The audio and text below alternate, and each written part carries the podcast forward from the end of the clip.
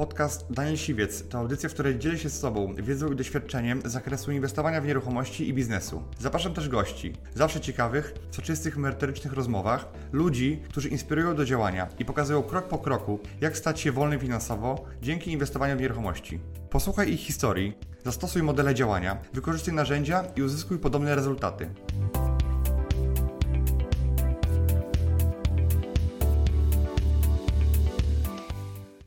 Są takie sygnały z rynku od analityków, że nadchodzi kryzys i ten kryzys idzie. I faktycznie on nadchodzi, on, on się wydarzy. Nie ma takiej gospodarki, która nie musiałaby się zestartować. Po prostu. E, I czy to będzie za rok, za dwa, czy za trzy, to tego już akurat nikt nie wie, bo to prawdopodobnie przyjdzie jak grom z jasnego nieba i to będą czynniki zewnętrzne. Natomiast co jest bardzo e, takie nastawiające pozytywnie, to to, że ten rynek ma się świetnie. I dzisiaj mamy tańsze mieszkania niż 10 lat temu i chcę wam to udowodnić że one są tańsze dzisiaj. I teraz e, patrzcie, to, to jest jakby najnowszy raport NBP-u, gdzie pokazuje jakby rynek pierwotny Warszawę i sześć największych miast w Polsce i widzicie, dzisiaj są niewiele wyższe. Natomiast to pokazuje, że przez 10 lat jaki był rynek? Wzrostowy? Czy był, czy był szalony? Nie. On był, on był tak naprawdę pełzał sobie. On był na stałym poziomie. Wszystko rosło, wynagrodzenia rosły, nasze pensje, wszystkie inne produkty rosły, natomiast rynek nieruchomości stał w miejscu. A co oznacza? Że, był, że taniał. Jeśli on nie utrzymywał wartości pieniądza w tym momencie. I tak samo ma się, to samo jest dokładnie na rynku wtórnym. Czyli widzicie, że ten rynek jakby trochę spadł, lekko tam 10, 11, 12, 13 i powoli gdzieś tam się odbija. I jak ludzie mówią, że teraz mamy bańkę, no, szczególnie osoby z miasta mogą myśleć, że dobra, tam ceny urosły najbardziej w Polsce. Mamy bańkę. Jak ja wczoraj oglądałem, wiecie, jak się przygotowywałem, jak robiłem tę prezentację, to oglądałem wczoraj reportaż o cenach mieszkań. I wiecie, co mi powiedzieli? Średnio kawalerka w którym mieście jest najdroższa w Polsce, kosztuje 400 tysięcy. W Warszawie kosztuje 340 340. To są minimalna cena za kawalerkę. 340 tysięcy. Nie dla flipera. Dla kogoś, kto ogląda telewizję. Na pewno. E, I teraz e, ja tam dostałem papkę totalnie informacyjną. Fakt. Ceny w Gdańsku podrożały najbardziej w Polsce, w Trójmieście, bo Trójmiasto jakby to jest miasto, które się najbardziej rozwinęło i najbardziej jakby jest atrakcyjne turystycznie. Jest morze, jest, jest ładnie, jest fajnie. Natomiast ja bym nie widział, żeby tam była jakaś totalna górka. One są te, te wzrosty w Gdańsku. Tutaj to jest trzeci kwartał 2018, więc świeżo. Czy tu widzimy, że jest jakieś szaleństwo w perspektywie 10 lat? Nie. Jakbyśmy spojrzeli na wykres z perspektywy jeszcze dalszej, to naprawdę jak ktoś kupił 10 lat temu nieruchomość, to jak, jak ją wynajmował, to zarabiał. Jeżeli nie wynajmował, to na spekulacji nie zarobił nic. Albo, albo nawet stracił jeszcze. Czyli moje patrzenie na rynek jest dzisiaj takie, że ten rynek wcale nie, nie pędzi w galopującym y, tempie. Dzisiaj nawet on, moim zdaniem, on się wyhamował. My widzimy na przykład, że mieszkania przez ostatnie 2-3 miesiące schodzą nam wolniej niż wcześniej. Raz, że były święta, dwa, że styczeń jest takim miesiącem.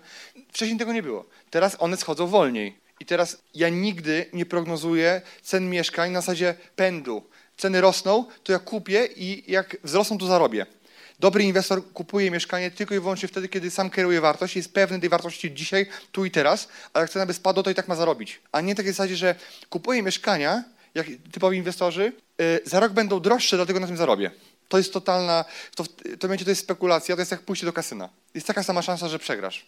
To pokazuje, że 10 lat temu, żeby kupić mieszkanie, trzeba było za nie zapłacić 2,5 pensji średniej. A dzisiaj za metr. Tak, przepraszam, za metr.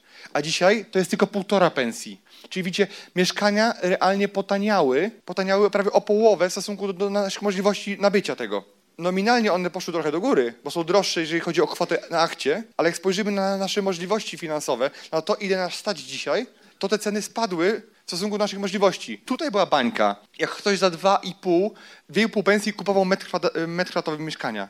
To było chore. Tu mamy pewną stabilność, widzicie? Czyli kupujemy jakby dosyć, kupujemy te, te metry taniej w stosunku do naszych możliwości.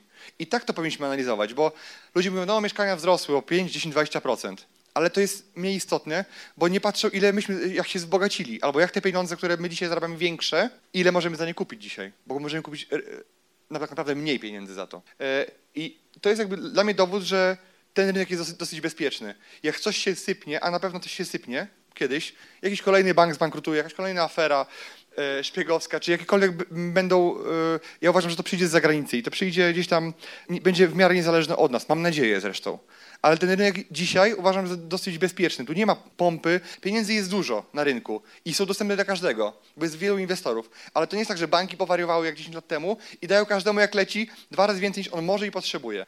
Bo to one mogą ten kryzys wywołać, a dzisiaj one wydaje, mi się, że są bezpieczne. W sensie, że mają te blokady pozakładane, czyli wyciągnęli lekcje. Taką mam nadzieję i jakby w to wierzę, więc myślę, że nawet jeżeli będą gorsze czasy, to trzeba się na nie przygotować. I jak się na nie przygotować?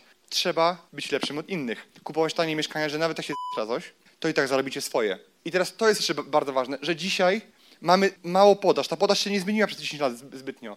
Mamy jeden i jeden izby, czyli jeden pomieszczenia w budynku na średnio na e, obywatela Polski, a średnia unijna to jest 1,7 do 2. W tym momencie, czyli mamy dwa razy mniej pomieszczeń na jednego obywatela. Jest średnia unijna, to nie jest średnia Niemiec, Francji e, i Belgii, bogatych krajów, to jest średnia unijna. Czyli my też tej średniej jesteśmy. Czyli jak, jak jest? No Polacy dalej mają, za mało mieszkań. W sensie nie to, że mają za mało produktów na rynku, to pokazuje, że jest dzisiaj duży deficyt mieszkań. I przez te 10-20 lat myślę, że nie jesteśmy jako deweloperzy, jako fliperzy stworzyć więcej tego tak naprawdę, bo dzisiaj największy problem dewelopera jest taki, że nie wie za ile wybuduje i nie wie czy wybuduje. Czyli te wszystkie, im większy projekt, tym jest większe ryzyko. Nie, że tego nie sprzeda, bo rynek to pewnie wchłonie i on sobie z tym poradzi. Ale problem jest taki, że nie zgromadzi 100 czy 200, 300 osób na duży projekt, żeby to postawić. A jak to zrobi, to dużo większym kosztem. I to nie będą Polacy na pewno, ani Ukraińcy. Tu jest dzisiaj naj- największe ry- ryzyko dewelopera, więc co dzisiaj robią deweloperzy i co robię ja?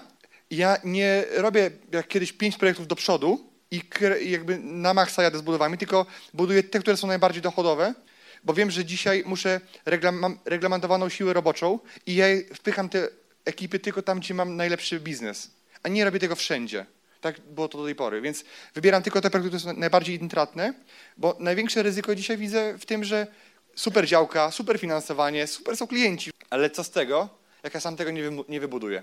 I będę się bił z innym deweloperem, który też, też to ma. Więc dzisiaj widać, że deweloperzy mają pozwolenia, natomiast nie rozpoczynają inwestycji, bo to ich blokuje. I za chwilę może być tak, że jak nie ma podaży, to ceny będą rosły. I może być taka sytuacja i prawdopodobnie tak będzie. Bo to, co się. Oni już rok temu, już większość deweloperów takie e, decyzje podejm- podejmowały, że mają banki ziemi, ale ich nie rozpoczynają inwestycji na nich. E, Więc jakby ja widzę ten biznes jako biznes stabilny, więc jakby ja się go nie boję, ale jestem przygotowany na to, że coś się zadzieje. Więc wam też radzę mieć poduszkę. Nie robić wszystkiego na zasadzie będzie dobrze, tylko miejcie z tyłu głowy, że ta koniunktura będzie trwała dalej, ale nie w nieskończoność. Dziękuję Ci, że wysłuchałeś do końca. Jeśli ten podcast był dla Ciebie interesujący, zapraszam do słuchania kolejnych odcinków. A jeśli chcesz jako pierwszy otrzymywać powiadomienia o nowych odcinkach, subskrybuj mój podcast.